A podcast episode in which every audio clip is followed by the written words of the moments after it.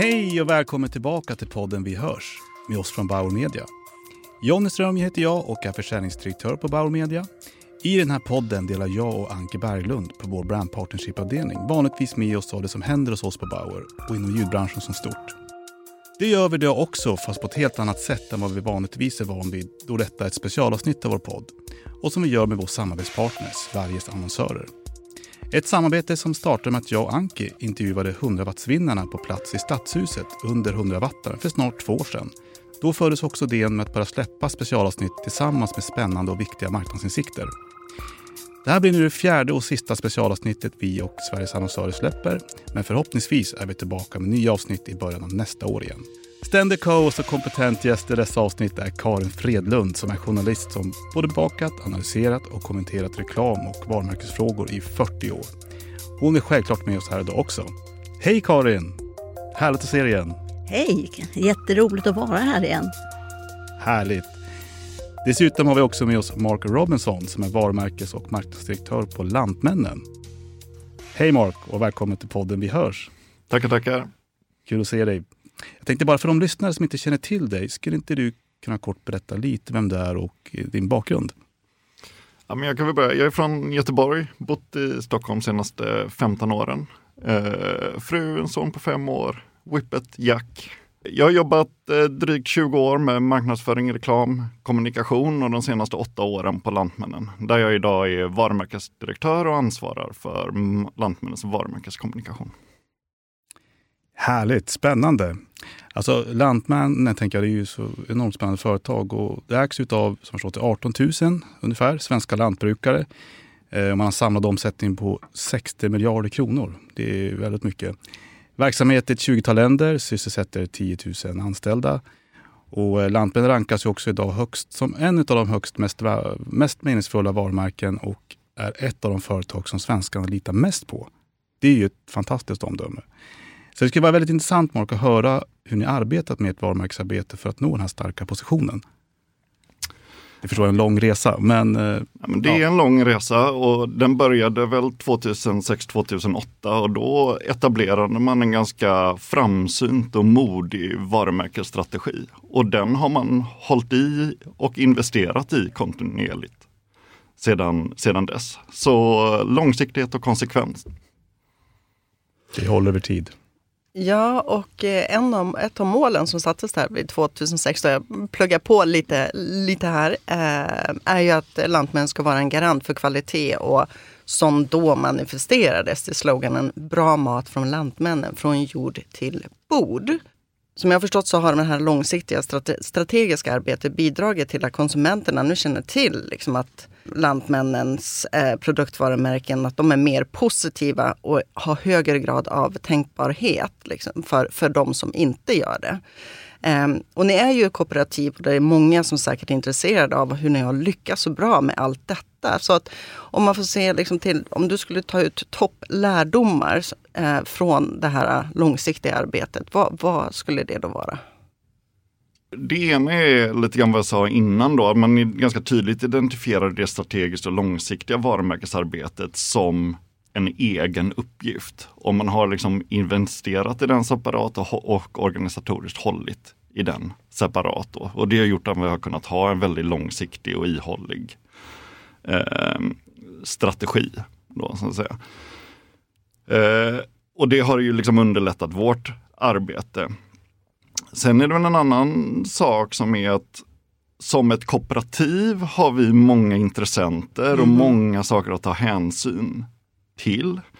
Och det tvingar oss lite grann att vara kanske extra långsiktiga i det vi gör. Och det blir lite svårare för oss att kanske hänga på väldigt kortsiktiga trender eller väldigt smala spetsiga frågor. Som kommunikatör och marknadsförare kan det vara väldigt liksom, frustrerande i stunden när man känner sig liksom, utmanad och pressad. Men jag tror som en stor och bred och robust organisation som oss så ger det liksom också en långsiktighet och trygghet och en stabilitet över tid mm. som jag tror har gynnat oss väldigt, väldigt väl. Då. Mm. Karin, jag såg att du var alltså, på väg att säga något. Eh, som kooperativ så innebär det ju att ni har många ägare. Och det får man tänka till exempel på frivilligkedjor där det finns många intressenter också. vad gör ni för att få alla liksom att dra åt samma håll?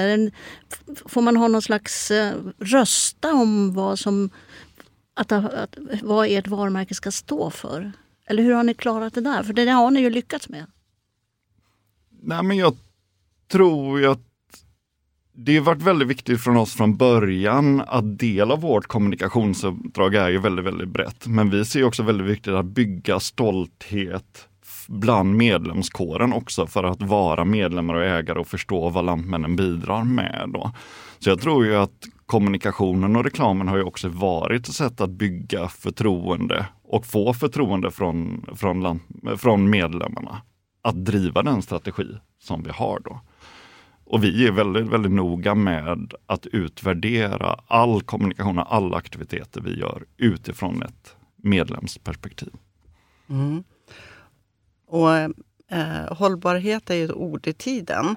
Och du Karin skrev en artikel som finns publicerad på Sveriges annonsörers hemsida eh, som hade rubriken Hållbarhet allt viktigare i varumärkesarbetet. Men där läste jag också, Mark, att eh, ni gärna undviker att använda ordet, själva ordet hållbarhet. Hur, hur kommer det sig?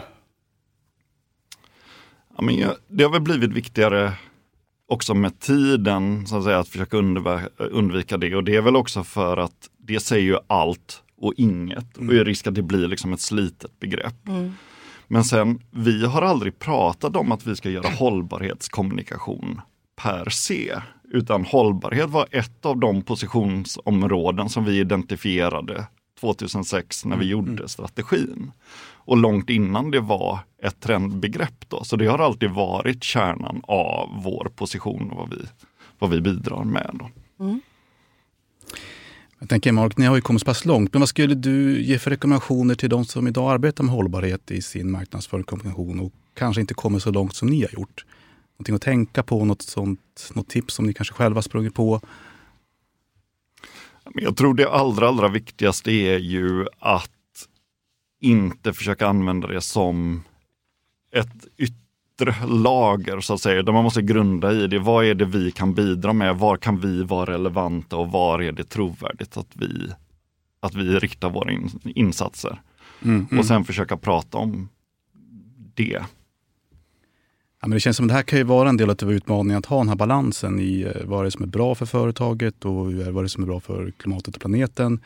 Eh, för att kunna bidra till klimatmålen samtidigt som man då för, ja, förmodligen ska vara lönsamt och bygga ett starkt företag i grunden för framtiden.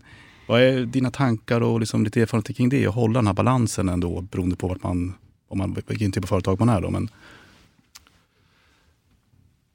Nej men det är väl samma sak där, att man måste ju, man kan inte se det som någonting vid sidan av den ordinarie verksamheten och där tror jag olika bolag är på olika plats mm. i sin resa så att säga. Vi har ju kommit ganska långt i att integrera det ganska djupt in i vår, vår verksamhet. Sen är det ju hur snabbt man eh, rör på sig och utvecklas då. Och eh, den största utmaningen är ju eh, idag är att man måste samtidigt kunna konkurrera på en marknad där andra inte har kommit ganska långt. Och det kan ju då ställa ganska stort krav på konsumenten som får ansvaret att göra de eh, riktiga valen och på så sätt bli liksom ansvarig för, för omställningen. Då. Mm, mm. Eh, men just nu och det som jag tycker är positivt är det ju att och kanske lite politiska klimatet vi har idag nu känns det ju som att det är näringslivet är ju de som kanske har högst ambitioner och ligger längst fram och vill ja, driva på den här utvecklingen och, och efterfrågar egentligen högre krav från politiken etc. för att få tydliga långsiktiga riktlinjer som man kan agera inom och som man kan ta affärsmässiga beslut inom. Så vi jobbar ju väldigt, väldigt mycket också att försöka gå, gå samman och lägga planer och strategier och samla liksom större del av branschen för att tillsammans kunna ta viktiga steg framåt. Då. Ja men verkligen. Det, ja. Ja, men det, det, är riktigt intressant och det för mig också tillbaka till den här artikeln som jag nämnde tidigare som du har skrivit eh, Karin eh, med hållbarhet allt viktigare i varumärkesarbete där man då kan läsa att många konsumenter anser ju att, för, att det är just företagen som har störst negativ påverkan på jordens miljöproblem. Och nära hälften säger att de slutat köpa produkter eller tjänster som har den här negativa påverkan då då, på miljön och samhället. Och det skapar ju, precis som du var inne på Marcus, alltså det är, det är stora utmaningar i det. Och kanske inte alla marknadsavdelningar har heller hållbarhet som en högsta prio eh, ännu. Men eh, skulle du kunna, bara för lyssnarna, berätta lite mer om vilka utmaningar det här ger, men även liksom de möjligheter som du tar upp i artikeln kring det här?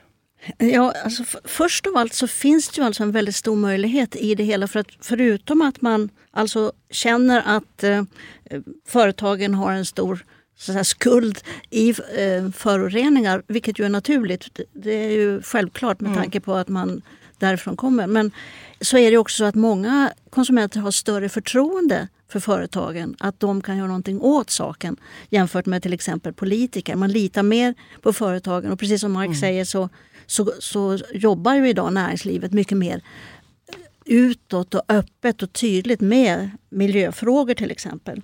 Så det här är en väldigt bra utgångspunkt. Men sen är det naturligtvis då frågan om hur man ska göra det här. Och, eh, en, det finns många utmaningar, inte då minst i de interna organisationerna. Mm. Eh, bristen på samordning och bristen på kunskap. Eh, resurser också till exempel. Det är ju rätt stora frågor. Ja. Mm. Så, och hur ska man definiera målen och hur ska man mäta dem? till ja. exempel? Vad, vad är det för mål vi har? Och hur ska man kommunicera det? Eller ska man kommunicera det överhuvudtaget? Det finns ju mm. många som är rädda för det. Mm. Man är rädd för greenwashing så då har det liksom fötts några här, eh, som man brukar prata om som greenhushing. Man, man får liksom inte prata om de här sakerna. Eh, men eh, några av de exempel som eh, togs upp i artikeln och som kommer från den här rapporten om sustainable marketing eh, pekar exempelvis på hur viktigt det är att arbeta cirkulärt i hela värdekedjan och gemensamt i hela organisationen. Och där är ju också Lantmännen en väldigt bra, ett väldigt bra exempel. Eh, men också att man samarbetar med externa partners. Både de egna typ byråer eller andra typer av, av partners. Men även i branschen, en, en branschöverskridande så att säga. Eh, sen när det gäller kommunikationsstrategierna som ju också då är viktiga mm. så måste man alltså tänka på att inkludera hållbarhet och social påverkan i de brief man gör med sina konsulter till exempel.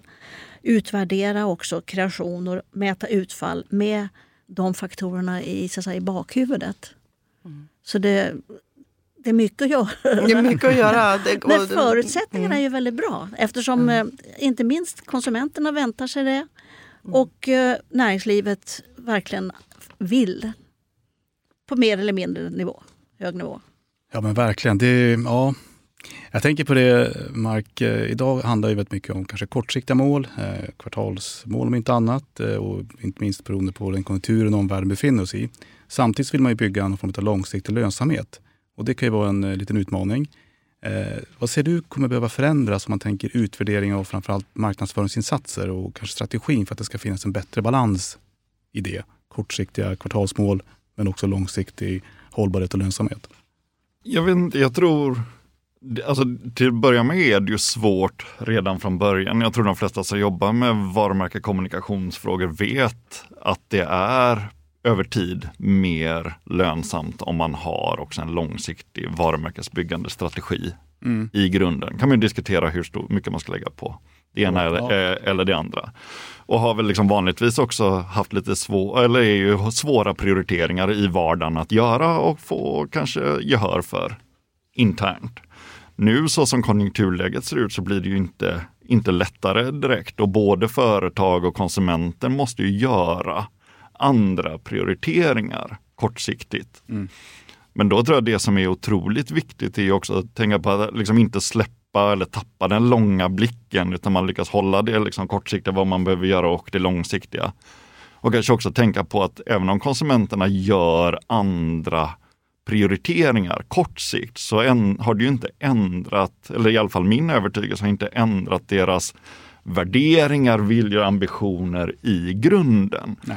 Så då gäller det att inte heller tappa dem eller förvanska eller, eller så det arbete som man har byggt upp över tid då. När man behöver liksom svara på andra, kanske mer praktiska, kortsiktiga eh, ja, en, en, situation här, här och nu idag. Då.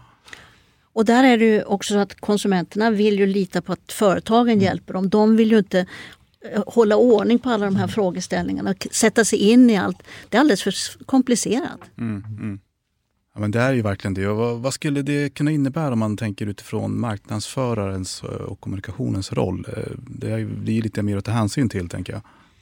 Ja, men det blir ju mer att ta hänsyn till och um, om man jobbar i så här livsmedelsindustri och där så, här, så om man går in i en livs, dagligvaruhandel mm, idag mm. då så är det ju väldigt, väldigt mycket prisskyltar mm, då, eh, så, så, att säga överallt och det är ju en del av vad man måste göra då. Men då, det kanske inte är så att man behöver kommunicera pris aktivt så att säga, utan man kanske kan göra andra saker som presenterar eller ger liksom, kostnadseffektiva, eller, ja, eh, kostnadseffektiva alternativ så att säga utan att väldigt mycket behöva liksom, trycka på pris väldigt, väldigt explicit. Då.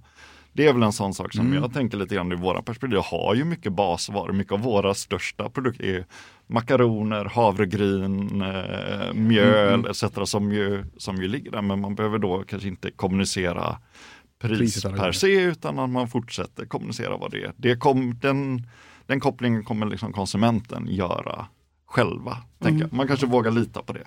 Bra, bra input. Verkligen.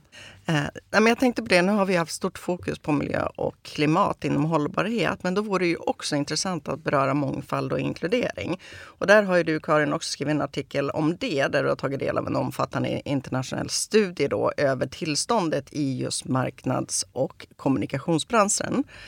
Och resultatet var ju inte alltför positivt kan man ju säga. Och dessutom att Sverige uppmärksammades som en av de marknader som utvecklas allra minst. Men att en ljusning kan skönjas. Vad, vad, tycker du, om du får tillfälle att liksom prata om det här nu, vad tycker du är viktigt att lyfta i det här Karin? Ja, alltså, man, när man talar om FNs mål, framtidsmål, så är ju hållbarhet på många fronter. Miljö och eh, mångfald till exempel. Och egentligen så är det här med mångfald något som borde vara otroligt mycket enklare för företagen. För att det är inte lika komplicerat som tillsatser och vad man nu ska tala om. Mm. Eh, visst handlar mångfald om rättvisa i och för sig.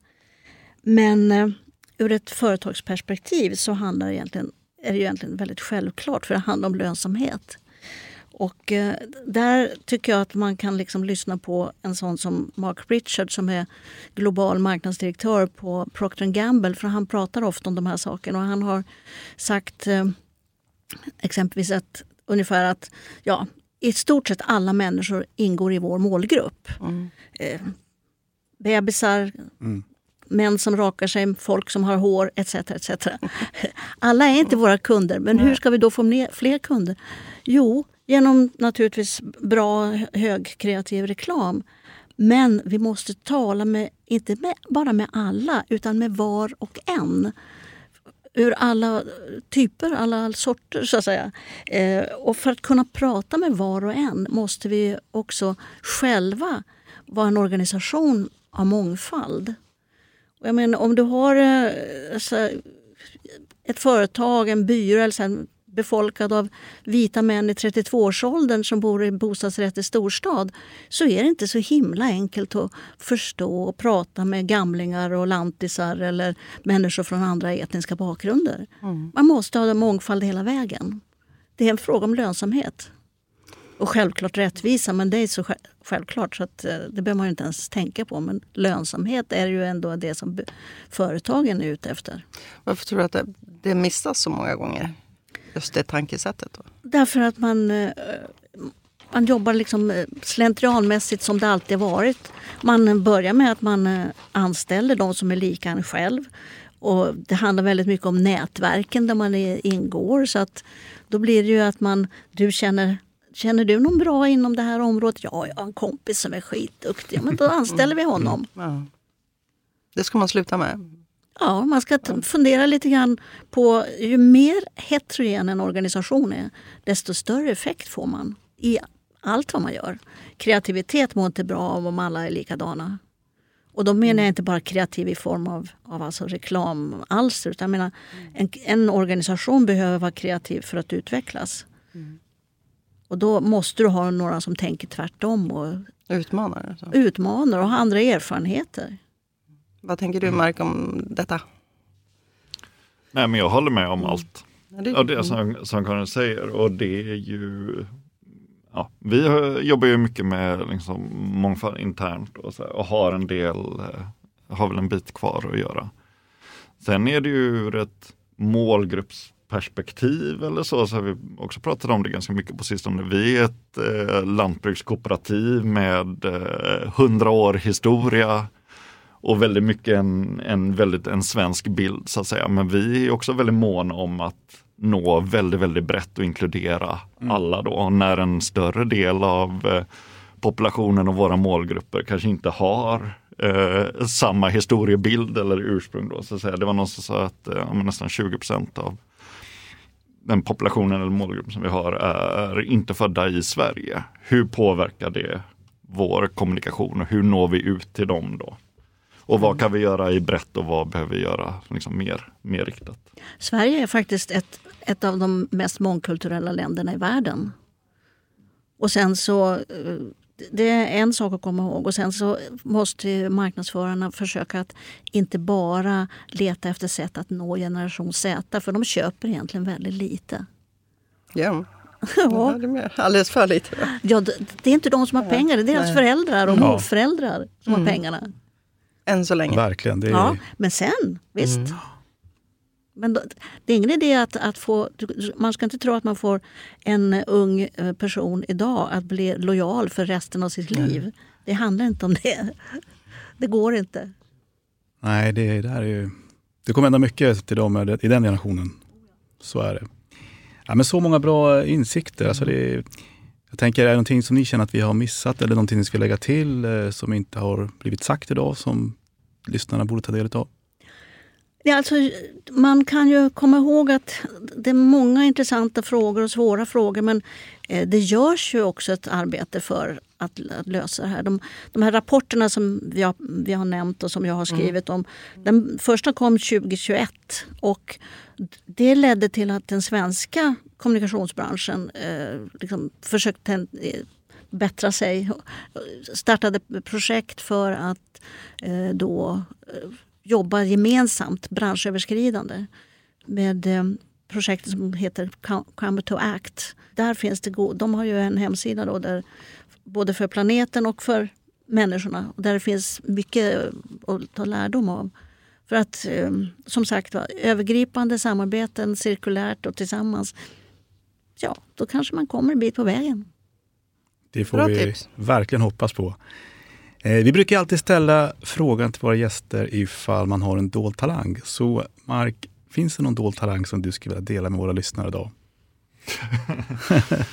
Ja, det vet jag inte. Känns, eh, jag känner mig helt talanglös helt plötsligt. Nej, då. det- men, Det tror jag inte att det är. Nej, men en liten eh, kuriosa kanske. Under pandemin så eh, satt man hemma mycket och då började jag snöa in på eh, ganska nördiga, komplicerade brädspel då som har Ja. blivit lite av en hobby och som jag brukar dra fram och tvinga in eh, släkt och familj och vänner på, en- på, på släktmiddagarna då. Så, men det är ju- eh, mm. Bra, Nej, men där kom det någonting som hänt under pandemin åtminstone. Det är ju Ja. toppen. Eh, stort varmt tack måste jag säga Mark och Karin för att ni ville vara med i podden Vi hörs och dela med er av era insikter och kunskap kring det här. Tackar, tackar. Tack för att Det var bara komma. trevligt. Härligt, tack.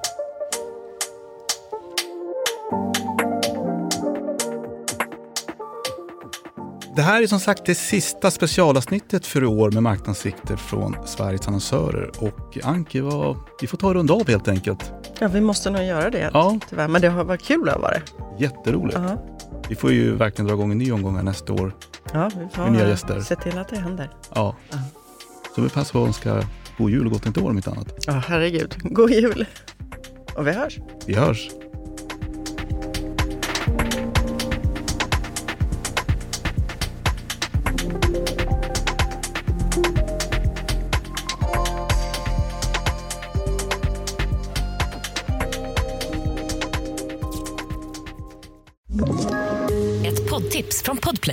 I podden Något Kaiko garanterar östgötarna Brutti och jag, Davva, dig en stor dos skratt. Där följer jag pladask för köttätandet igen. Man är lite som en jävla vampyr. Man har fått lite blodsmak och då måste man ha mer. Udda spaningar, fängslande anekdoter och en och annan arg rant. Jag måste ha mitt kaffe på morgonen för annars är jag ingen trevlig människa. Då är du ingen trevlig människa, punkt. Något Kaiko, hör du på Podplay. Därför är gardinerna.